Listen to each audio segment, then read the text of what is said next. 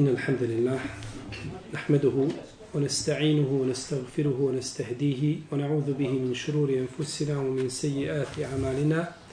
من يهده الله تعالى فهو المهتد ومن يضلل فأولئك هم الخاسرون. وأشهد أن لا إله إلا الله وحده لا شريك له وأشهد أن محمدا عبده ونبيه ورسوله وصفيه من خلقه وخليله.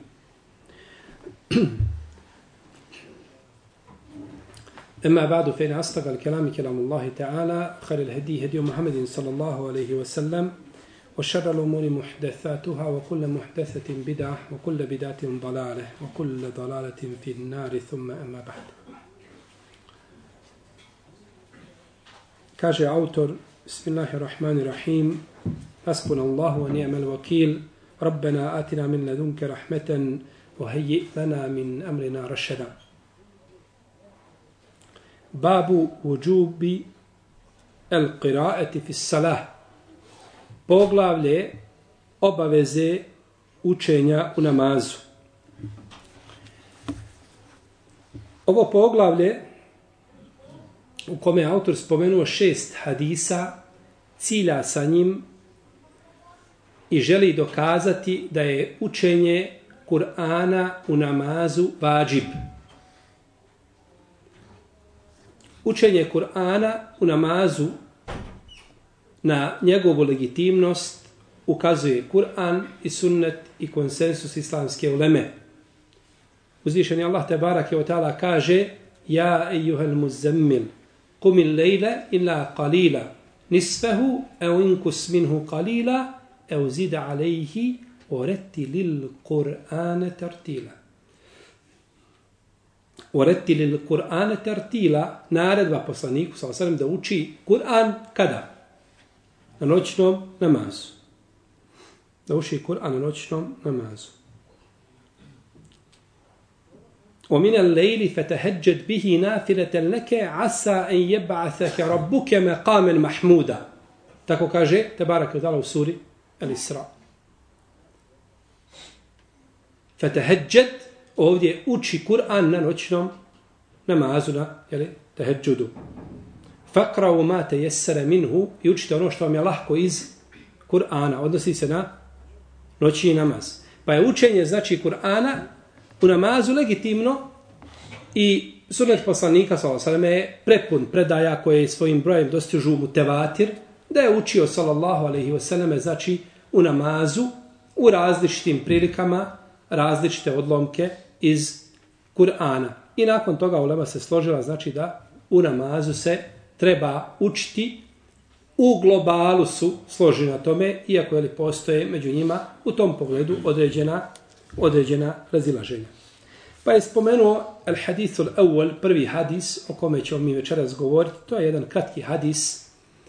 O, hadis kaže se Anubade, Anubade ibn Samit radijallahu anhu, ana Rasulallah sallallahu alaihi wasallam kal, la salate, la salate limen lem yakra bi fatihati kitab.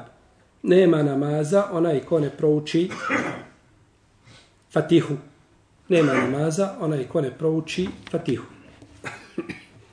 Ubade ibn Samit, on je Ebul Walid, sa njim se nismo još susretali, znači, u komentaru ovoga dijela. Ubade ibn Samit, ibn Kajs, ibn Asram, ibn Fehd, ibn Kajs, El Ansari, El Hazređi, brat Eusa ibn Samita. Njegova majka se zovete, zove se Kurretul Ain, bintu Ubade ibn Nadle.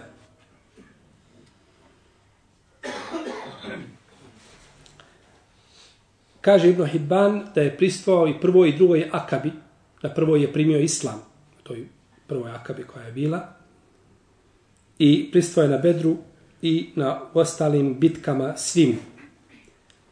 Pobratio je poslanik sallallahu sallam između njega i Ebu Meseda El Ganuija. Prenosi od poslanika sallallahu sallam 180 hadisa šest se nalazi kod Buhari i kod muslima, a dva bilježi Buharija koja ne bilježi muslim i također muslim bilježi dva koja ne bilježi Buharija. Kaže Muhammed ibn Kjabel Kurazi da je Kur'an u vrijeme poslanika sallallahu alejhi ve selleme naučilo pet ashaba. to su bili Muaz, Ubade, Ubej Ebu Ejub Ansari i Ebu Darda. Da su njih pet, znači, naučili Kur'an u vrijeme poslanika, sallallahu alejhi ve sellem.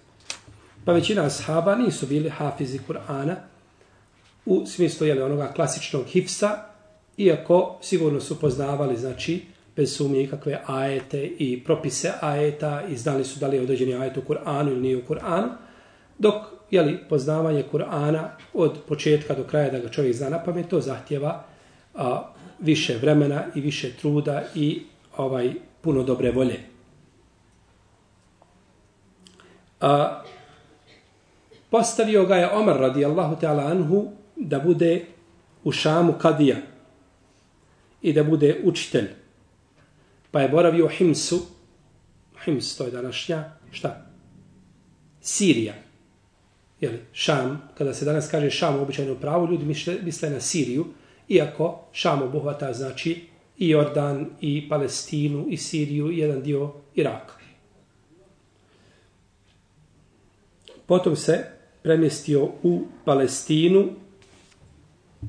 i tamo je bio Kadija.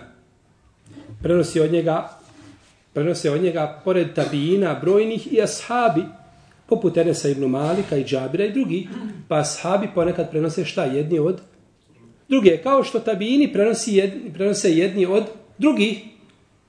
Pa recimo hadis da je Kur'an da je kul huvallahu ehad trećina Kur'ana prenosi sedam tabijina jedan od drugog. Možete zamisliti sedam tabijina jedan od drugog i tek u jednoj verziji tek onda ide tabi tabi.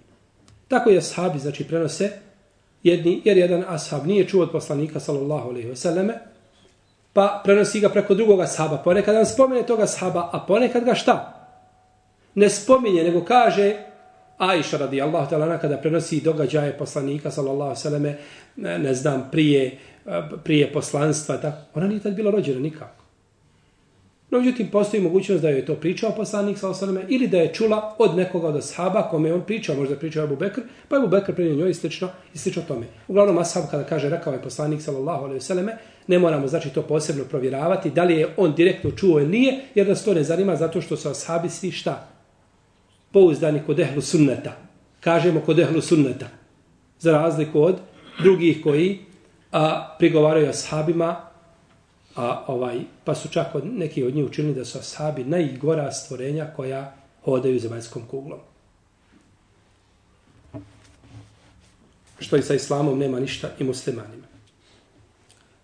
Imamo do duše jednu skupinu hadisa, to smo nekad davno spominjali, koje prenose ashabi od tabijina od ashaba. Ha. Ashab iz poznije generacije prenosi hadis od tabijina koji je možda stariji od njega po godinama, ali nije vidio, pos, ali nije vidio poslanika sa osrme, pa ga taj tabin prenosi od nekog od velikih ashaba, starih ashaba, pa ga onda prenosi ashab od tog tabina od ashaba. U tom slučaju treba ispitati ko je tabin, u svakom slučaju takvih hadisa malo, Ibn Hajar je o njima opširno govorio i pojasnio koje se to predaje tako da se ne može desiti zabuna kada je u pitanju je li hadis koga prenosi ashab od poslanika sa osrme, iako ga nije direktno šta? Čuo od njega. Jeste. Ukopan je u Bejtul Maktisu, kaže se da je njegov kabur tamo poznat, kaže autor da je ukopan u kod mjesta koje zove Babu Rahme, kabruhu mešhurun juzar, kaže njegov kabur je poznat i posjećuje se. Ova riječ juzar posjećuje se koja je došla u pasivu, je na ovome mjestu malo sporna. Ako se njome mislilo posjećivanje u smislu da čovjek upregne jahalicu, upali auto i ide šta da posjeti kabor u Bade ibn Samita. To je problematično. Jer je to šta? Zabranjeno. To je zabranjeno. Zabranjeno je znači ići posjećivati kabor, nije stepen širka, ovaj, nego je zabranjeno znači čovjeku da ide da posjećuje kabor nije mu dozvoljeno čak da ode na posjeti kabur poslanika sa osrme kao kabur. Nego idemo da posjetimo šta? Džamiju. I zbog tri džamije možemo ići. E ako bi ovdje čovjek otišao da posjeti džamiju u Bejtul Maktisu, pa posjeti kabur u Bade, usput ne smeta. No međutim da čovjek ide u Medinu samo da posjeti kabur, ne. Nego ide da posjeti džamiju. a kabur dolazi usput, a džamija je šta? Osnova. A džamija je osnova. Pa se, znači, neće čovjek namjerno ići, znači, ciljano određenom kaburu, znači da ide zbog određenog jeli, kabura negdje na put i da zbog toga a, jeli, odsedla jahalicu. Jer je došla zabrana od poslanika, sallam, kaže, a, ne smije se jahalica, znači, a, odsedlati, odnosno ne smije čovjek jeli, putovati, osim da posjeti samo jedno od tri džamije. Dok kažu neki učenjaci da je poznato da je on umro u Šamu. Znači, razilaze se. Razilaze se ovaj, gdje je umro i gdje je ukopan ovaj časni asab. Ubade sa damom na ajnu. U. Ubade. A imamo abade sa fethom. To su dva imena koja je slična. To je imena koja su šta? Slična.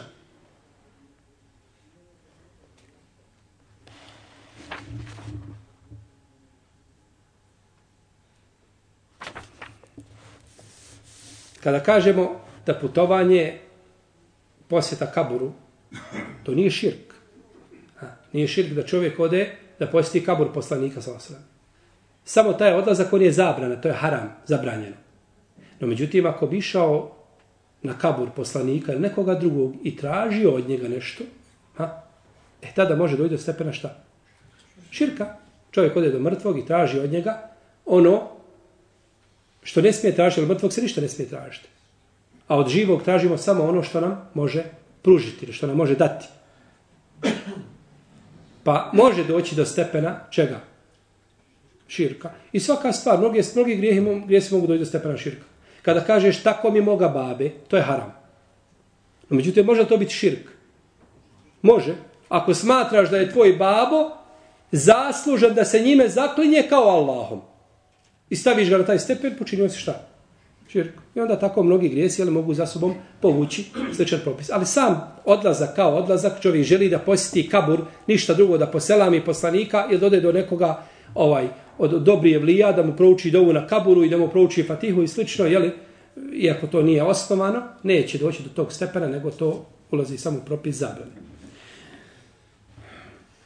Fatihatul kitab, fetaha u arapskom glagol fetaha jeftahu znači otvoriti nešto. Pa je Fatiha nazvana Fatiha zato što fetaha šta? Otvaramo. U stvari ona Fatiha predstavlja jedna vrata čega? Kur'ana. Sad njom ulazimo u Kur'an. I zato je nazvana Fatiha. Zašto je Fatiha? Od glagola fetaha jeftahu što znači otvoriti. Pa ona otvara Kur'an pa je s te strane nazvana Fatiha. Ima i druga imena. Zove se Umul Kur'an. Majka Kur'ana. Majka Kur'ana. Jer je ona najvrijednija šta? sura u Kur'an. Kao što je ajetul kursi najvrijedniji ajet. Je li ovo dokaz da je Kur'an jedan njegov dio bolji od drugoga? Ha? Mo jest. Jedan dio bolji od drugoga. Kaže se najbolji ajet u Kur'anu je šta? A, najbolji ajet. Kako ćeš ga tumačiti? Jeste najbolji, ali ipak nije najbolji.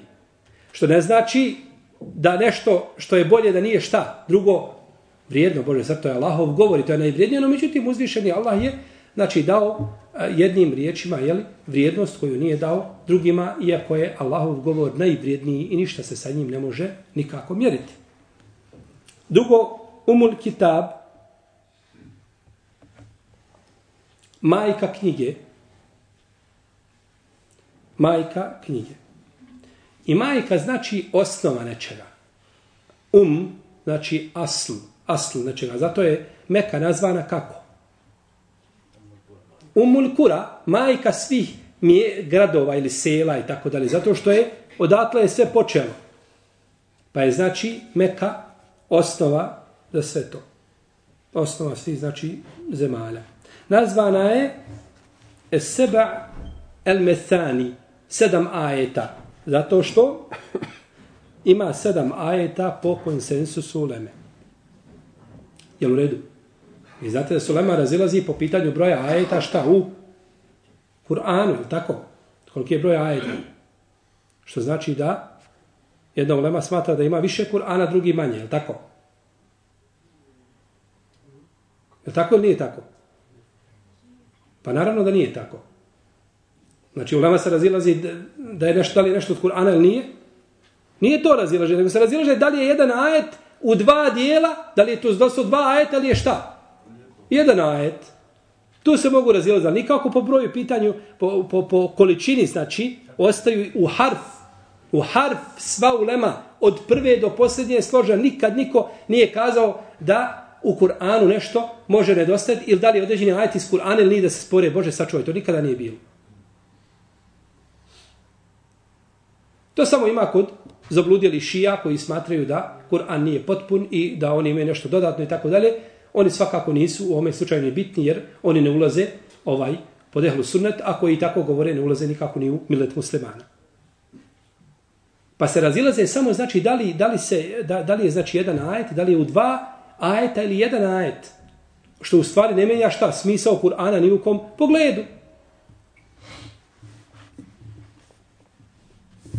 nazvala je znači a seba al methani uzvišenje Allah kaže وَلَكَدْ آتَيْنَاكَ سَبَا مِنَ الْمَثَانِ وَالْقُرْآنَ الْعَظِيمِ tako kaže pri kraju sure al Hijr mi smo ti dali sedam ajeta i časni Kur'an znači ovo posebno ukazuje na šta na vrijednost Fatihe Pa dobro, dali smo ti časti Kur'an, pa Fatiha je sastavni dio Kur'ana i prva sura u Kur'anu. No međutim, kaže, dali smo ti šta? Sedama, baš tako posebno se naglašava da se ukaže na vrijednost tih ajeta. Jel? I tako da je Fatiha sama po sebi, znači dovoljno govori što je moraš učiti dnevno 17 puta, nema ti islama bez toga. A ako budeš htio dodati na to da i sunnete učiš, onda će doći do koliko? 34-35 puta ili više od toga. U svakom slučaju, duplo će znači doći, u svakom slučaju, a, vrijednost Fatihe je velika. Dalje od imena jeste Suratul Hamd, zato što počinje šta? Sa Elhamdulillah. Suratul Hamd, sura zahvale. Određene sure, braći, imaju više imena. Recimo, sura El Qital. Koja je to sura? Sura El Qital, borba. El Qital znači borba. Koja je to sura?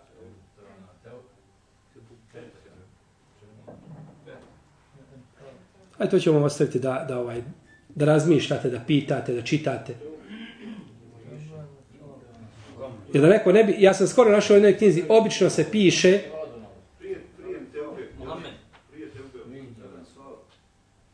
Nije prije tobe, ali Al-Anfal. Nije. O, Ulema obično spominje imena suri, e, sura koje su poznata, imena poznata. Ja sam skoro u jednoj knjizi radio sam recenziju jedne knjige prevoda i našao da je autor skazao El Qital i spomenuo je ajet iz te sure. Ovaj, što je što svakako treba je li prevesti na pravo ime sure. Ljudi ne znaju cijeli Kur'an da vrtiš pozada u onome sastavu. nigdje neće naći da ima sura Al-Qital. Ta sura ne postoji, jeli, nego postoji po svom imenu koje je poznato. Pa vi ćete tražiti malo. Kao sura El Basikat. Koja je sura El Basikat? Kakva je to sura u Kur'anu? To je naziv za suru Kaf, jer je riječ Basikat došla samo u toj suri, nema nigdje drugog u Kur'anu, pa su nazvali po neka, neka olema po tom imenu. I tako da određene sure, znači imaju više imena, ali imaju znači ta klasična imena koja su poznata, pa vidimo da se kaže da je uh, sura uh, Fatiha, odnosno da se zove još i uh, suratul Hamd. Dalje zove se Es-salah zove se isto tako el-wafije, zove se isto tako el-kafije, es-šifa, zove se el-esas, temelj, zove se isto tako es-šafije, jeli, od imena kojima je nazvana jeli, ova časta sura. A nešto kada ima puno imena, to ukazuje na njegovu vrijednost. Kako kaže Imam el-Kurtobi? Kada je spomenuo riječ, govorio riječ sablja, i odeva i lav. Te riječi u arapskom jeziku imaju po stotine naziva. Samo stablja ima stotine naziva, znači, ili deva, kažu neke da ima čak do, do, do, do, do 400 do 500 naziva. Znači, ukazuje jer tada je deva bila šta? Život. Tada devo deva, njevo vrijeme bilo, nije, bilo, nije se moglo zamisliti život bez deve. Tako isto sablja, to ti je bila sigurnost. Ako imaš sablju i opstaćeš, živjećeš, u protivnom ti nema života. A lav je imao puno imena zbog toga što je lav bio simbol snage, hrabrosti i tako dalje. Jel u redu? Pa kada nešto ima puno imena, onda se, njegu, e, odnosno kada, e, nekada kada nešto vrijedno, ima puno svojih, ima puno svojih imena. Neki učenjaci su zabranili da se naziva a, Fatiha Umul Kitab, majka knjige. Odnosno, da kažemo u prevodu ovdje, temelj knjige, asl, osnova knjige. Kažu da je to šta? Šta je osnova knjige? Leuhel Mahfuz, da je to osnovna knjiga. To je osnovna knjiga. Kur'an je uzeto dakle? Iz Leuhel Mahfuza. Pa kažu, ne možeš kazati to Kur'an. Taj naziv vrijedi zašto? Za, za Leuhel Mahfuz. No, međutim, ove riječi, jeli, pored toga što je to kazala, jedan dio Leme to kazao, nisu precizne i nisu ovaj ispravne, jer je došlo muslimom sahihu debu Hurire da je poslanik s.a.v. rekao men qara bi umil kitab eđzeta anhu ko bude učio umul kitab bit će mu dovoljno. Ha. Pa je nazvao Fatihu poslanik sa kako? Umul kitab, temelj ili osnova knjige, tako da ovaj riječi uleme cijenimo i poštujemo i dužni smo da ih prihvatamo sa punim poštovanjem, no međutim ako se kose sa jasnim hadisima, onda biva, kako je sva ulema govorila, uzmite ono što je kazao poslanik sa osaleme, a ostavite moje mišljenje. I ova ulema, kada da je do njih došao ovaj hadis, ovaj, oni bi kazali ono što su što je kazala većina jeli, učenjaka i ne bi bila nikako zadovoljna da prihvatimo mi njihovo šta? Mišljenje. Ne bi bila zadovoljna. I došao u surinu Ebi Davuda da je poslanik sa osaleme rekao Elhamdulillahi Rabbil Alemin umul Kur'an ev wa umul kitab wa eseba ul mesani. Od Ebu Davuda je došao da je rekao poslanik sa osaleme da je, alhamdulillah, rabbil alamin, misli na šta što misli na Fatihu, da je umul Kur'an i umul kitab i eseba el methani, znači nazvao je sa tri različita imena. Tako da, nakon riječi poslanika, sa osvajame, nema prostora, znači nikome da i čtihadi, naravno kada se radi ovako jasnim, jeli, predajama. Ovdje je došlo la salate, La salate limen lem jekra bi umil kitab. Ili bi fatihetel kitab, kako došlo ovoj predaji. Nema namaza. Ovdje ovo la je negacija. Nema namaza. Nema namaza la salate. Došlo je salate bez određenog člana. Kako? Kako se piše određeni član? Elif lam. Pa je došlo la salate. A kada dođe kod učenjaka islamske jurisprudencije kažu, kada dođe ova negacija u kontekstu neodređ, sa neodređenim članom, onda to obuhvata, ima sve obuhvatno značenje. Razumijete? Znači, kada dođe negacija nečega što nije određeno sa članom, nego je samo spomenuto bez određenog člana, onda ta negacija ima sve obuhvatnu formu. Znači, nema namaza, nemaš nikakvog namaza dok ne proučiš šta? Fatiha. Pa čak Fatiha se uči i na dženazi. I na dženazi se uči Fatiha. Nema namaza. I neka ulema koristi ovaj hadis kao dokaz da se mora učiti Fatiha u namazu i da je to vađib. I to se u stvari jasno zaključuje šta iz hadisa. To nema potreb, nije potrebno da posebno čovjek i čtihadi i da razmišlja i da se slomi u ičtihadu, da shvati da je hadi nema namaza bez ko, jeli, ko ne prouči fatihu. Tako da je hadis u tom kontekstu jasan. Ovim hadisom neka ulema dokazuje da je obaveza učiti fatihu na svakom šta? Rekiatu. Namazu svakako, ali na svakom rekiatu. Ukazuje li hadis da je obaveza učiti na svakom rekiatu? ne ukazuje. Znači, moramo biti, ne moramo, ne možemo uvijati šerijatske dokaze i umo, znači, savijati ih dok ih ne na naše ono ušće ne dovedemo. Ne. Hadis je takav. I ti ga ovaj prihvati onako kao formu koja je došla. A da kažeš da je obaveza učiti, to možda se može zaključiti iz drugih predaja i drugih verzija, to u redu. No međutim, iz ovoga hadisa ne može se izvući zaključak da je obaveza učiti šta na svakom rekiatu. Jer jedan dio uleme kažu ne, mi iz ovoga hadisa shvatamo da je obaveza učiti samo na jednom rekiatu. Jer ko uči na jednom rekiatu namazu, može li se kazati za njega da je učio? Može. I on je upotpunio šta hadis. Nije klanjao bez učenja i moj namaz bio ispravan. Pa bi prije ovo bio dokaz ljudima, ili, ili oprostite, ulemi, koji kažu da je obavezno učiti samo šta na? Minimalno na jednom rekiato, da se ne mora učiti na svakom. Znači, mogao bi biti, jel, s te strane dokaz, iako ovaj ispravno je da treba Fatihu učiti na svakom rekiatu. No, međutim, ne možemo to dokazivati šta? Ovim hadisom. Moramo doći sa drugim, moramo doći sa drugim argumentom. Isto tako, ovim hadisom neka ulema dokazuje da je obaveza učiti u namazu općenito. Bilo da se radi o namazu u džematu ili da klanjaš pojedinačno, bilo da učiš na glas ili da učiš u sebi, da uvijek moraš učiti šta? Da moraš učiti fatihu. Može li hadis poslužiti argument ovoj skupini? Može. Jer se kaže nema namaza. Ha, općenito. Onoga u kome učim u sebi, namaz je. Učim na glas, i za imama klanjam, jel namaz? Namaz je. Klanjam teraviju u džematu, klanjam sunnete sam, uvijek je namaz. Pa tako da može poslušta. Može poslužiti kao argument ovoj skupini, jeli, učenjaka.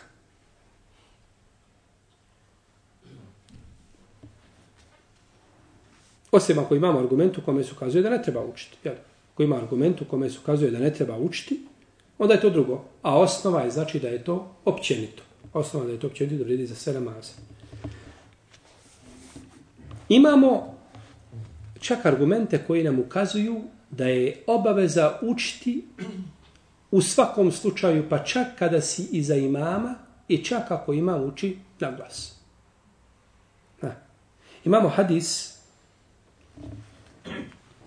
a, koga bileže Tirmizi Ebu Davud i Begavi i Darekutni drugi i oko 16 velikana islamske nauke ovaj hadis ocjenjuje ili vjerodostojnim ili dobrim, ili sahih ili hasen. Hadis da je poslanik sa nakon sabah namaza upitao ashabe, kaže, da li učite nakon mene u namazu? Kažu, učim Allah oposljeđe. A dok ja učim, oni uče. Kaže, nemojte. A, nemojte. Osim fatihe. Nema namaza ko ne prouči fatihe. A poslanik je sa osrme klanjao šta? Sabah namaz. Na sabahu se uči na glas. Pita sahabe, učite li vi za mene? Kažu, učim Allah poslaniće. Kaže, nemojte. I onda tu zabranu pojašnjava osim fatihe, jer nema namaza ko ne prouči fatihe. Pa je čovjek obraćao po konsensusu uleme, kako kaže šehol Islam ibn Tejmije, zabranjeno da uči iza imama nešto mimo fatihe kada imam uči na glas. Imam klanja akšam i proučio vole dalin, amin. Ti nakon toga smiješ proučiti samo fatihu. Ne smiješ dodati sure. Za razliku od podnevskog namaza, kada možeš dodati šta? Suru. I lijepo je da je dodaš da učiš dok, ako ima muči duže, možeš proučiti suru ili odlomak iz Kur'ana da ga proučiš, nema smetnje nikakve. I to je sunnet i to je pohvalno.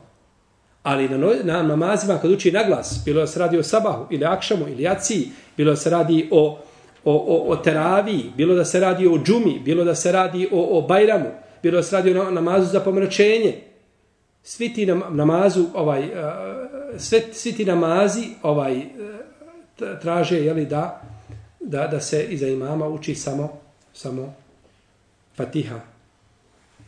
Pa ovdje se kaže i ovaj hadis je najjači argument za učenje iza imama. jasan ko dan. Učite li? Učimo. Nemojte. Šta je ovdje poslanik negirao, sallahu sallame? Sa nemojte. Učenje Kur'ana osim Fatihe. Jer je rekao, nemojte osim Fatihe. Znači, ostavite. Ono sve što slušao sura, nemojte. I odlomke, nego Fatihu. Nema, kaže namaza, ko ne prouči Fatihu. I ovaj hadis je zaista, znači, jak argument i on je, on je presuđujući u ovome pitanju.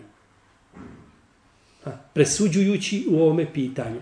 Imamo hadis ko bude iza imama, učenje imama je njegovo učenje. Prvo hadis je daif. Svi putevi koji su došli su daif. Kako kažu hadijski stručnjaci. No međutim, kada bismo kazali da je hadis vjerodostojan, šta ćemo kazati? Kako ćemo pomiriti između njega i ovoga hadisa? Kako ćemo pomiriti između riječi poslanika, sallallahu alaihi wasallame, ko bude iza imama, imamovo učenje je njegovo učenje, i između hadisa, nemojte učiti iza mene osim fatihe. Nema namaza ko ne prouči fatihu. Ima neko da nam može pomiriti? Sve ono mimo fatihe Ba, baš tako. Znači, imamovo učenje je tvoje učenje osim čega? Osim fatihe. Jer si fatihu dužan da proučiš sam. I tako smo pobjedili hadise. I zaista mišljenje koje kaže da se uči iza imama uvijek obuhvatilo je sve druge hadise i sve druge argumente koji govore o ovoj tematici. I bilo drugo šta čovjek da uzme, odbacit će vjerodostojne argumente. Tako da, lijepo je da čovjek uči, iako kažemo, po hanefijskoj pravnoj školi se ne uči nikada iza imama. Nikada. Ha. Imam dok je nemaš ti šta učiti, ti samo stojiš. Kod šafija i kod malikija se uči ako imam uči u sebi. A ako uči na glas, nema učenja. Dok kod šafija i kod imama Buharije i neke druge uleme kažu uči se stalno i zaista imaju najjače argumente.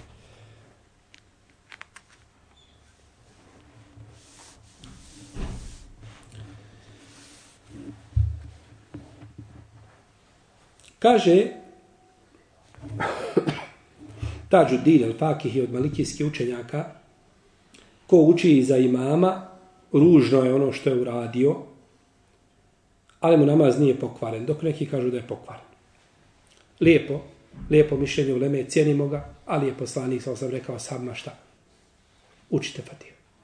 Znači, riječi poslanika, sam sam su najbitnije i ne može se ispred njih ništa staviti. I dokazuje isto hadisom u Badinu Samita, koga, kome govorimo, da nije obaveza čovjeku da uči mimo Fatihe. Da je obaveza u namazu da se uči šta? Fatiha. Mimo Fatihe da nije ništa vađib. Tu je razilaženje među islamskim učenjacima.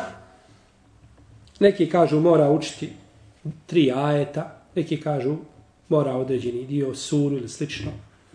Mora nešto mimo Fatihe No međutim, Džumhur Uleme kaže da je samo Fatiha obavezna. Da je samo Fatiha obavezna.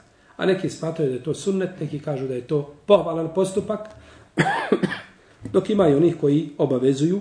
I to se može zaključiti iz određenih argumenta, iako kažemo da Džumhur Uleme kaže da, je, da to nije vađib, u smislu da bi dovelo u pitanje, uh, dovelo u pitanje namaz, namaz klanjače mi smo prije govorili, ranije smo govorili o pitanju učenja iza imama, iznosite argumente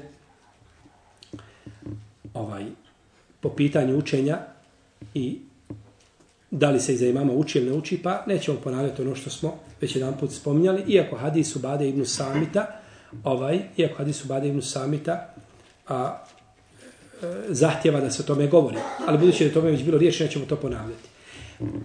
Da li hadis Ubade Bade ibn Samita govori, ili da li se iz njega može zaključiti da je obaveza muktediji da uči za imama kad imam uči na glas?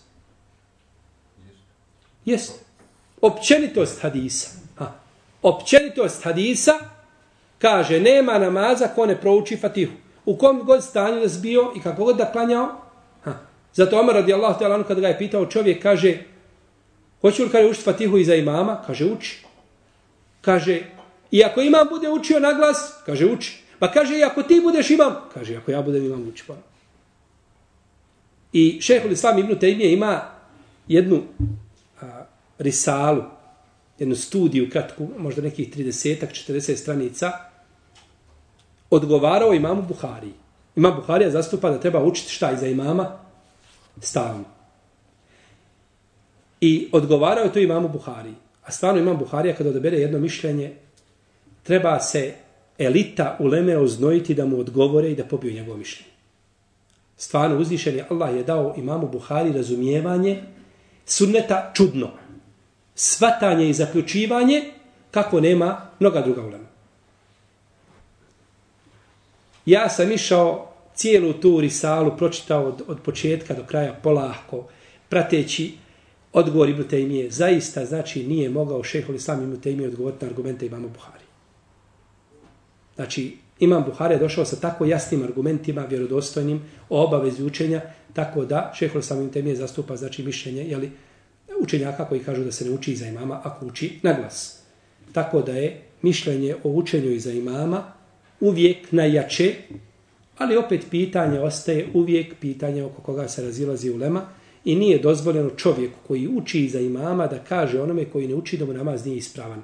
To nikako, ni u kom slučaju nije dozvoljeno, jer je ulema prošla kroz generacije i klanjao šafije iza Hanefije, i Hanefije iza šafije i nikada nisu šafije kazale da je namaz eh, Hanefija u pitanju ili Hanefije da je namaz šafija koji uče u pitanju. To nikada nije bilo. To je ičtihad, to je fik, kod koga su vrata otvorena, ehlu sunnet se razišao i mi tu moramo imati šira, znači prsa i da shvatimo da ne mogu svi ljudi biti kao mi i da svi ljudi ne prihvataju ono što ti prihvataš. I da razumijevanje i shvatanje svi ljudi nije isto, kao što razumijevanje i shvatanje svi mama nije bilo isto. Pa čovjek mora znači tu činjenicu uzeti u obzir tako da ovaj a, a, ne bi znači smatrao da ne bi upao u nešto u što nikako ne bi smio upasti, to je da je li ovaj smatra neispravni ibadet a, nekoga ko je prihvatio drugo mišljenje mimo onoga koje on prihvata. Bilo da smatra da se uči ili da se ne uči, inša Allah, da je to, da su to dozvoljena razilaženja, uzvišen je Allah da je htio da ne bude tih razilaženja, ne bi ih nikada bilo. Ali on je htio iz svoje mudrosti da dođe do razilaženja i molim Allah te barake o teala da nas ne kazni za to, a poslanik je sam sam obećao da koji čtihadi pa pogreši da će imati jednu nagradu. Molim Allah za uđer da nas pouči sunnetu poslanika sallallahu alaihi wa sallame i da nam olakša praktikovanje sunneta i da nas usmrti na islamu i na sunnetu. Wallahu ta'ala a'lam wa sallallahu ala nabina Muhammed wa ala alihi wa sahabi ježbaj.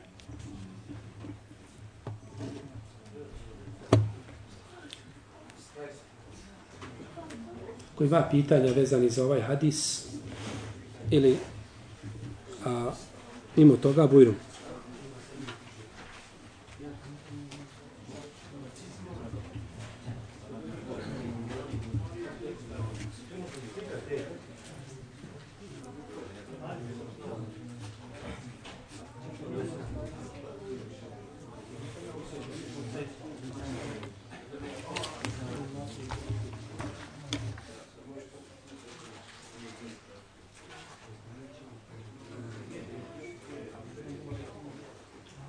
Može li, blat, može li majka zaklati akiku za svoju djecu ili to mora biti otac? Otac je zadužen akikom ili staratelj. Jedan od dvojice. Ako nema oca, ima staratelja koji se brine o djetetu. Jel u redu? I on je dužan, to prelazi znači, na njegovu obavezu. Otac umro prije rođenja djeteta, majka preselila na porodu i dijete je prihvatio neko od rodbine taj staratelj koji je prihvatio dijete, on je dužan da brine o kiki ili njegov babo. Ali je ne mora on sobom šta? Klati, ne mora on zaklati. Bitno je da on, da je on taj koji je inicirao, znači, klanje čega? A kike. I da je to poveo, platio i tako dalje. A to da majka zakolje nema smetnje. Jer je dozvoljeno jesti, znači, meso koje zakolje kako muškarac, tako žena. Žena smije, znači, klati i žene su vreme poslanika, sa osaleme klale i u tome se ovdje predaje od umu seleme. U svakom slučaju, ako može ona, ako ne može neko drugi da zakolje, nije opće, nije bitno, znači, bit će, alaikum salam, bit će ispravno, ne mora to biti otac.